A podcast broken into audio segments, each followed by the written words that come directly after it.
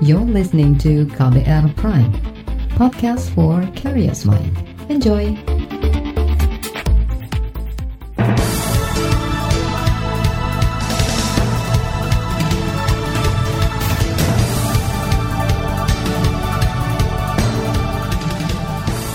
Selamat pagi saudara, senang sekali kami bisa menjumpai Anda kembali dalam program Buletin Pagi edisi Senin 9 November 2020 bersama saya Don Brady. Sejumlah informasi pilihan telah kami siapkan di antaranya, Joe Biden jadi presiden, Jokowi harap hubungan Indonesia-Amerika semakin erat.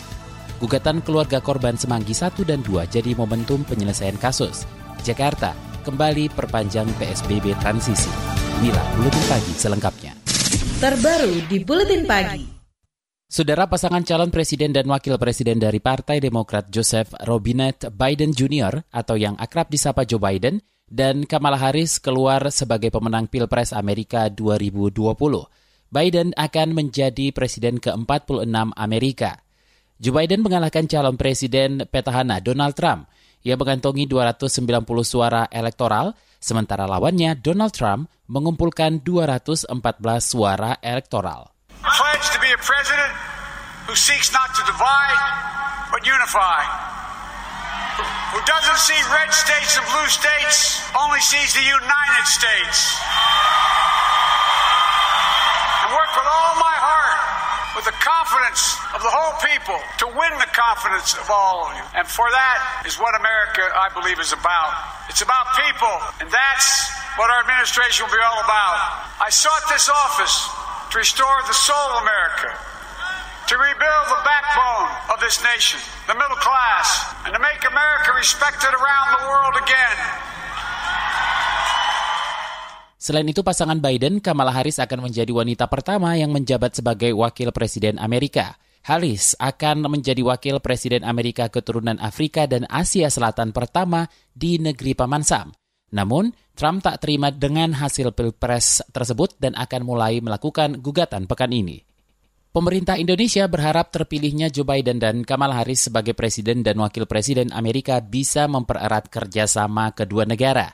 Dalam akun media sosialnya, Presiden Joko Widodo mengucapkan selamat atas kemenangan dan terpilihnya Joe Biden dan Kamala Harris. Jokowi berharap kedua negara bisa bekerja sama lebih erat lagi dalam pelbagai bidang, terutama kerjasama baik di bidang ekonomi, demokrasi, dan multilateralisme yang menguntungkan Indonesia, Amerika Serikat. Guru Besar Departemen Hubungan Internasional FISIP Universitas Pajajaran Ari Bainus memperkirakan kemenangan Joe Biden sebagai Presiden Amerika akan membawa angin segar untuk Indonesia.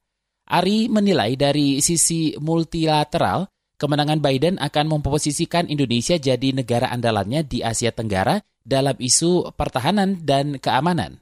Indonesia cenderung Biden akan menjalankan multilateralisme dengan mengandalkan sekutu-sekutunya di Asia Tenggara seperti Filipina, Thailand dalam berbagai isu keamanan. Sehingga Indonesia masih tetap akan dipandang sebagai salah satu andalannya di Asia Tenggara untuk membawa, membuat kawasan tetap kondusif terutama berkaitan dengan isu Laut Cina Selatan dan perkembangan militer Cina. Guru Besar Departemen Hubungan Internasional FISIP Universitas Pajajaran Ari Bainus menambahkan, Indonesia akan mendapat peluang kerjasama di bidang pertahanan seperti persediaan persenjataan dan pelatihan militer bagi TNI. Namun hal itu tergantung pada diplomasi pertahanan yang dijalankan Indonesia. Sementara di bidang ekonomi, Ari meminta pemerintah Indonesia terus meningkatkan diplomasi ekonomi dengan Amerika, meski saat ini Indonesia masih mendapatkan surplus dari perdagangan dan mendapatkan perpanjangan pembebasan bea tarif masuk atau GSP. Sementara itu, saudara lembaga pengamat ekonomi CORE menyebut terpilihnya Joe Biden sebagai presiden Amerika diprediksi akan membawa angin segar bagi perekonomian di Indonesia. Ekonom CORE Peter Abdullah menilai Biden akan mampu meredam gejolak perang dagang antara Amerika dan China yang selama ini terjadi di masa kepemimpinan Donald Trump. Itu akan memberikan iklim yang positif bagi perdagangan internasional dan juga aliran investasi. Jadi ini akan memperbaiki nanti diperkirakan gairah perdagangan internasional bisa naik dengan perang dagang yang meredah, harga komoditas juga akan bisa membaik ya dan itu akan berdampak positif terhadap kita yang utamanya bertumbuh kepada barang-barang komoditas. Dan kemudian juga terhadap aliran modal aliran modal juga akan lebih baik. Ekonom Kor Peter Abdullah menjelaskan kepemimpinan Donald Trump selama ini kerap memunculkan ketidakpastian Ia mencontohkan komentar-komentar Trump yang justru memunculkan ketegangan dan membuat perekonomian di tataran global memanas. Munculnya Biden diyakini bakal membuat perekonomian global lebih tenang, sebab Biden sosok yang lebih berpengalaman mengatasi konflik dan lebih bijak mengambil keputusan. Menurut data Kementerian Perdagangan, kerjasama perdagangan Indonesia-Amerika periode Januari hingga Mei 2020 mencapai lebih dari 150 triliun rupiah, surplus 54 triliun rupiah. Saudara penanganan COVID-19 di Indonesia belum meyakinkan. Informasinya usai jeda tetaplah di Buletin Pagi KBR. You're listening to KBR Pride, podcast for curious mind. Enjoy!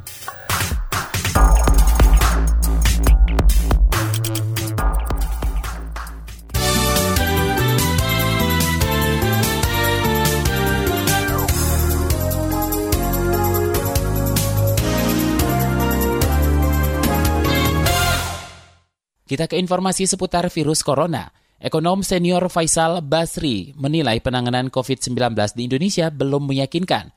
Menurutnya, hal itu ditunjukkan dengan belum ada strategi pengetasan yang jelas, apalagi pengetasan COVID-19 juga jumlahnya selalu berkurang saat hari libur. Faisal menyebut kondisi ini akan berdampak pada sektor perpajakan. Uh, jadi indikator-indikatornya masih sangat mengkhawatirkan. Oleh karena itu, kemudian tadi menunjukkan uh, semakin lama virus ini uh, berkecamuk, semakin diperpanjang itu insentif-insentif pajaknya. Ekonom senior Faisal Basri menambahkan pemberian insentif pajak yang terlalu lama akan berdampak pada penerimaan pajak negara. Hal itu juga terlihat dalam proyeksi pendapatan negara melalui perpajakan yang tadinya dipatok 1.800 triliun rupiah di APBN 2020 dikoreksi menjadi 1.400 triliun rupiah. Sementara di APBN 2021 tidak mengalami perubahan. Pakar medis Satuan Tugas Percepatan Penanganan COVID-19 menyebut seorang yang pernah terkena virus COVID-19 masih memungkinkan terinfeksi kembali. Anggota pakar medis Satgas COVID-19 Erlina Burhan menyatakan, seseorang bisa terinfeksi kembali virus ini setelah melewati kesembuhan selama beberapa bulan. Ini disampaikan Erlina akhir pekan lalu dalam sebuah diskusi virtual di Jakarta. Bahwa seseorang yang sudah sembuh itu mempunyai antibodi dalam tubuhnya yang memberikan kekebalan terhadap virus penyebab COVID-19. Jadi uh, mestinya kalau antibodinya masih ada tidak terjadi reinfeksi. Ya, tetapi sayangnya antibodi yang terbentuk ini tidak bertahan lama, akan menghilang setelah 3 sampai 12 bulan. Artinya setelah 3 sampai 12 bulan seseorang masih ada kemungkinan untuk tertular ulang atau reinfection. Anggota pakar medis Satgas COVID-19 yang juga dokter spesialis paru RSUP Persahabatan, Erlina Burhan mengatakan, meski memiliki antibodi, seseorang yang telah sembuh dari corona tetap diwajibkan menjalankan protokol kesehatan untuk menghindari terjadi infeksi kembali. Terutama, kata dia, bagi mereka yang merupakan pasien tanpa gejala yang memproduksi antibodi yang lebih sedikit. Hingga kemarin terdapat tambahan 3.800-an kasus positif COVID-19 dengan akumulasi kasus positif mencapai lebih dari 435.000 kasus. Beralih ke informasi hukum, saudara, kasus tragedi Semanggi 1 dan 2 menjadi agenda penting negara yang harus diselesaikan. Ini disampaikan Ketua Komisi Kejaksaan atau Komjak Barita Simanjuntak menyikapi hasil gugatan keluarga korban terhadap Jaksa Agung ST Burhanuddin. Menurutnya, gugatan itu bisa menjadi momentum penyelesaian kasus pelanggaran HAM berat masa lalu. Barita mengklaim Komjak sudah sejak lama memberi rekomendasi kepada Kejagung untuk segera menyidangkan kasus-kasus pelanggaran HAM berat. Kita sependapat Mas, bahwa ini harus dituntaskan, diselesaikan. Tetapi mekanisme hukum sebagai cara menyelesaikan ini ada hambatannya berkaitan dengan bukti-bukti, berkaitan dengan proses penyidikannya, berkaitan dengan kelengkapannya secara formal dan material untuk bisa maju ke persidangan. Kita sepakat itu harus dituntaskan. Kita berempati dengan keluarga korban, siapa saja, sebab ini agenda penting bangsa yang harus diselesaikan. Ketua Komisi Kejaksaan Kejaksaan Barita Simanjuntak menyarankan agar proses penyelesaian kasus-kasus tersebut bisa melalui mekanisme Komisi Kebenaran dan Rekonsiliasi atau Pengadilan HAM ad hoc luar biasa. Selain itu, kata dia, kasus-kasus masa lalu juga butuh dukungan politik di DPR. Saudara salah satu partai Islam tertua di Indonesia, Partai Majelis Syuro Muslimin Indonesia atau Masyumi, kembali aktif di kancah perpolitikan nasional.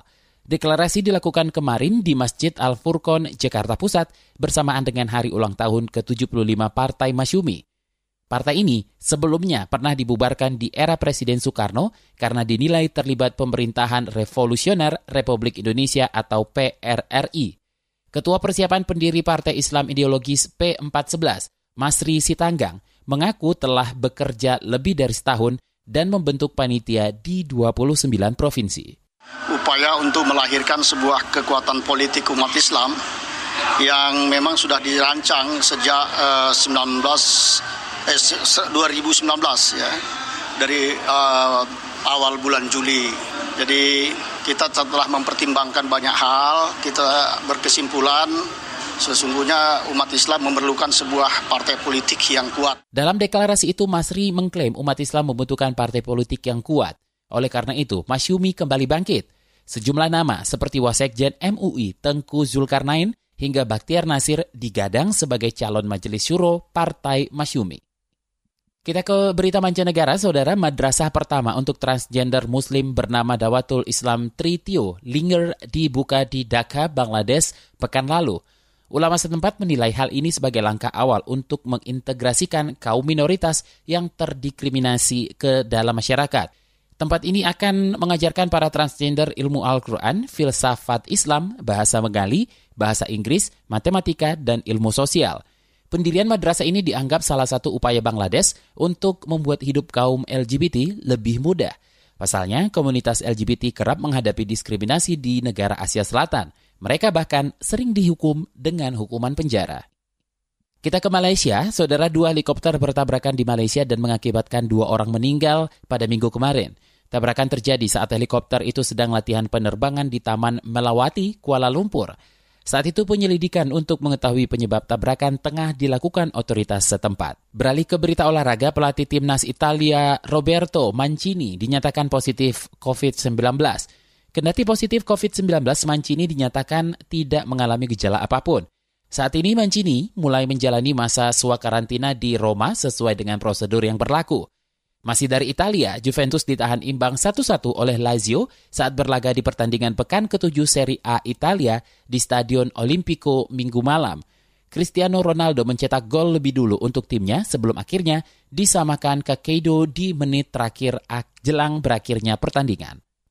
Kita ke MotoGP, pembalap Suzuki John Mir menang di ajang adu balap MotoGP Seri Eropa 2020 di sirkuit Valencia, Spanyol kemarin. Mir akhirnya memastikan kemenangan di MotoGP Eropa 2020 dengan mengalahkan Rins dan Paul Espargaro.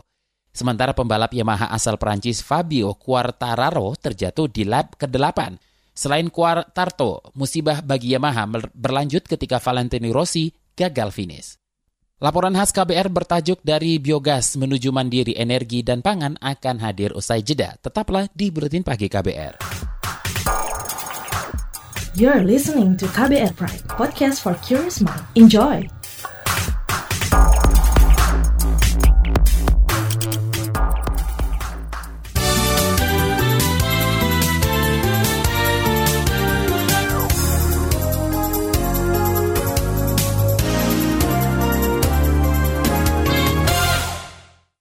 Sudah 10 tahun lebih petani Dusun Benderong Malang, Jawa Timur mengolah kotoran sapi jadi biogas dari limbah jadi energi. Semula ini dilakukan untuk mencegah warga menebang hutan serampangan juga mencegah terjadinya konflik sosial. Lama-lama banyak nilai tambah yang dirasakan warga. Jurnalis KBR Eko Widianto berbincang dengan para petani yang merasakan manfaat tersebut. Selepas subuh, Sulastri sudah berkutat di kandang sapi. Warga Dusun Bendrong ini membersihkan kandang kemudian mengangkut kotoran sapi ke dalam reaktor biogas. Selanjutnya, memerah susu sapi indukan. Hasilnya dijual ke Koperasi Agroniaga di Dusun Bendrong, Argosari, Malang, Jawa Timur. Satu hari kan satu liternya lima ribu. Berarti kalau 20 liter tinggal hitung berapa gitu. Bayarannya 10 hari sekali. Sulastri sudah 11 tahun menggunakan biogas untuk memasak. Biogas dihasilkan dari kotoran sapi yang diolah dalam reaktor atau digester. Alat ini dibelinya sebesar 6 juta rupiah dengan cara mengangsur lewat koperasi. Bagi Lastri, biogas lebih baik ketimbang gas LPG maupun kayu bakar. Kalau tabung kan ada hariannya ya, satu minggu apa dua minggu kan kalau ini terisi terus lebih ngirit karena nggak pakai kayu bakar. Biogas kan penak kan, itunya biru, terus gak nyelek nang hidung, terus banyak apa item-item gitu. Kalau biogas kan enggak bersih gitu. Ampas biogas bisa langsung digunakan sebagai pupuk organik. Selain beternak sapi, Lastri dan suami bertanam singkong, tebu hingga kayu sengon. Kok kayak capek tapi ya menyenangkan soalnya kan dapat uang. Kalau kerja ikut orang kan disuruh-suruh. Kalau ini kan kerja punya sendiri dari saya waktu-waktu gitu. Praktik pertanian terpadu Dusun Bendrong dirintis oleh Muhammad Slamet, Ketua Kelompok Tani Usaha Maju pada 2009 silam. Awalnya ia fokus pada pengolahan limbah sapi menjadi biogas untuk mengurangi konsumsi kayu bakar dan penebangan hutan. Ini per kakak itu per tahunnya 22,5 meter kubik atau setara kalau dikonversi dengan batang pohon yang besar itu kurang lebih 5 sampai 6 batang pohon. Bayangkan ketika ada 1000 orang pengguna kayu bakar untuk kebutuhan energi, satu tahun kita akan kehilangan 6.000 batang pohon hanya untuk kebutuhan energi. Program biogas didanai dari LSM Hivos, perusahaan susu dan pemerintah. Di Bendrong sudah dibangun lebih dari 150 reaktor biogas. Program ini juga menekan potensi konflik sosial. Kalau dulu sebelum kita olah menjadi biogas, bukan hanya sungai yang menjadi tempat pembuangan, tapi hampir setiap rumah di pekarangan rumah, di pelataran itu banyak tergenang limbah. Dan itu sering kali memicu terjadinya konflik antar warga. Selamat mendapat dukungan dari 25 petani muda. Mereka melakukan penghijauan, untuk melindungi mata air. Ketua Paguyuban Bakti Manunggal, Alfa Junaidi. Alhamdulillah sekarang hutan-hutan di sekeliling kami udah kembali seperti dulu, lebat dan airnya juga mengalir dengan deras. Waktu belum pakai biogas itu air kita itu berkurang karena penebangan pohon yang sangat banyak. Alhamdulillah. Pemerintah daerah ingin program biogas diterapkan di sentra-sentra peternakan sapi Anggaran dikelontorkan saban tahun untuk membangun sekitar 50 digester. Dusun Bendrong bisa dijadikan contoh pertanian terpadu ramah lingkungan.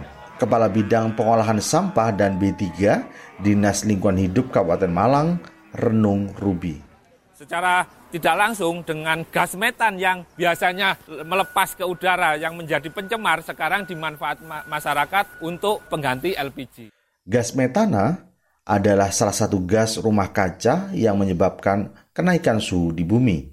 Kekuatan metana ini 25 kali lipat dalam menyebabkan pemanasan global ketimbang karbon dioksida.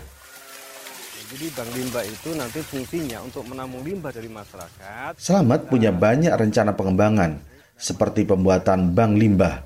Fasilitas ini dibutuhkan karena populasi sapi terus bertambah baru 40% dari 1.500 sapi yang limbahnya dikelola menjadi biogas.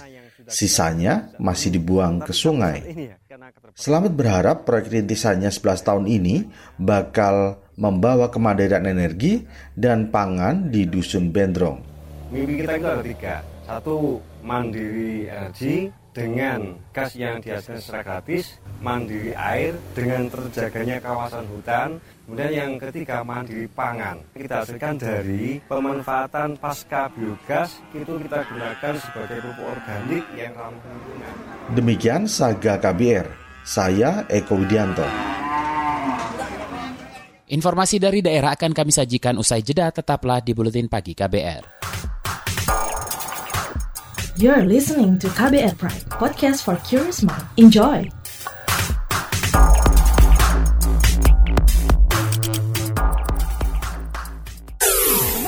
Commercial break. Ita Biliana, psikolog dari Lembaga Psikologi Terapan UI, memberi pesan kepada teman-teman Broken Home untuk meraih masa depan yang terbaik. Terlepas bagaimana kondisi rumahmu, bukan kondisi orang tuamu, itu ya kamu adalah individu sendiri yang punya hak dan punya kemampuan untuk menentukan nanti ke depannya mau gimana gitu. Jadi apa yang terjadi di belakang kamu tuh it doesn't define who you are atau yes. who will you be gitu aja, who you will be. Simak obrolan selengkapnya dalam podcast Disco Diskusi Psikologi dalam episode Masa Depan Anak Broken Home di kbrprime.id dan platform mendengar podcast lainnya.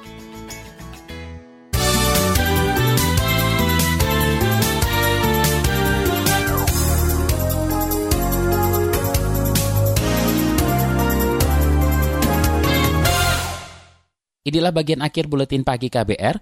Saudara, objek wisata di lereng Gunung Merapi sejak minggu kemarin mulai ditutup oleh Balai Taman Nasional Gunung Merapi. Mengutip antara news, penutupan dilakukan lantaran status gunung yang naik dari waspada menjadi siaga sejak 5 November lalu. Penutupan juga sesuai rekomendasi Balai Penyelidikan dan Pengembangan Teknologi Kebencanaan Geologi Yogyakarta. Objek wisata yang ditutup antara lain Tlogo Nirmolo. Sementara itu, sejak akhir pekan kemarin, BPBD DIY telah mengevakuasi lebih dari 600 orang ke tempat aman. Ini dilakukan untuk mengantisipasi potensi letusan gunung berapi. Mereka yang diungsikan antara lain anak-anak, difabel, dan warga lanjut usia. Warga yang mengungsi berasal dari sejumlah desa, antara lain Desa Paten. Pemerintah Provinsi DKI Jakarta kembali memperpanjang pembatasan sosial berskala besar atau PSBB transisi selama 14 hari ke depan, yakni mulai 9 hingga 22 November 2020.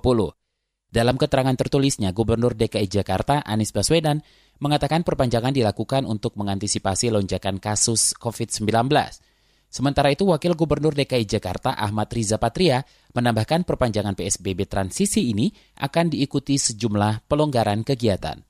Jakarta insya Allah dalam dua minggu ke depan akan memperpanjang masa PSBB-nya dengan terus melanjutkan pelonggaran sebagaimana dua minggu terakhir dengan menambah e, beberapa unit kegiatan yang dibuka di antaranya adalah resepsi pernikahan yang sebelumnya belum dimungkinkan di dua minggu depan dibuka resepsi pernikahan. Tentu dengan ketentuan syarat-syarat yang telah diatur. Itu tadi Wakil Gubernur DKI Jakarta Ahmad Riza Patria. Kemarin kasus baru virus corona di Jakarta bertambah lebih dari 800 orang. Saat ini total kasus positif COVID-19 di DKI Jakarta lebih dari 112 ribu kasus. Gubernur DKI Jakarta mengklaim terjadi penurunan signifikan dari kasus aktif sebesar 55, persen selama 14 hari terakhir. Selain kasus aktif, Anies mengklaim tingkat kesembuhan juga meningkat dan tingkat kematian menurun. Kita ke Jawa Tengah, saudara. Jutaan ubur-ubur mati di sepanjang pesisir pantai utara Rembang, Jawa Tengah. Selengkapnya bersama reporter Radio Jaringan Musyafa dari Radio R2B Rembang. Matinya jutaan ubur-ubur di sekitar Pantai Pasir Putih, Kabupaten Rembang, Jawa Tengah dalam beberapa hari terakhir ini menjadi tanda tanya di kalangan nelayan setempat. Seorang nelayan, Jenar, mengakui kejadian ubur-ubur mati sebanyak itu termasuk peristiwa langka. Apakah karena dugaan pengaruh pembuangan limbah pabrik atau faktor alam? Jumlah banyak, banyak, sekali. Ya pokoknya dari ujung sana ujung situ, sampai batu itu. Itu penyebabnya apa nggak tahu, Pak? Nggak tahu. Ada pembuangan limbah di sana kan ada. Nggak tahu dibuang langsung, nggak tahu memang udah umurnya ma mati. ini mati, nggak tahu. Keruh, airnya keruh. Kalau kalau saya alergi, gatal gitu. Bintul-bintul gitu, gatal. Jenar menimbali masyarakat sekitar umumnya menyebut ubur-ubur ada dua macam, yakni ubur-ubur kombor dan ucel. Kalau jenis kombor memang laku sedangkan ucel tidak laku. Untuk ubur-ubur yang banyak mati di pinggir pantai pasir putih termasuk ucel sehingga tidak laku. Musyafa, R2 Birembang melaporkan untuk KBR. Informasi tadi menutup jumpa kita di Buletin Pagi hari ini. Pantau juga informasi terbaru melalui kabar baru, situs kbr.id, Twitter kami di akun @beritaKBR, serta podcast di alamat kbrprime.id. Akhirnya saya Don Brady undur diri bersama kerabat kerja yang bertugas. Undur diri, salam.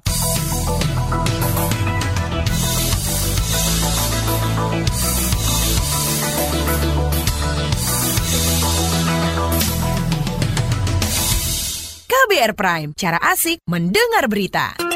KBR Prime, podcast for curious mind.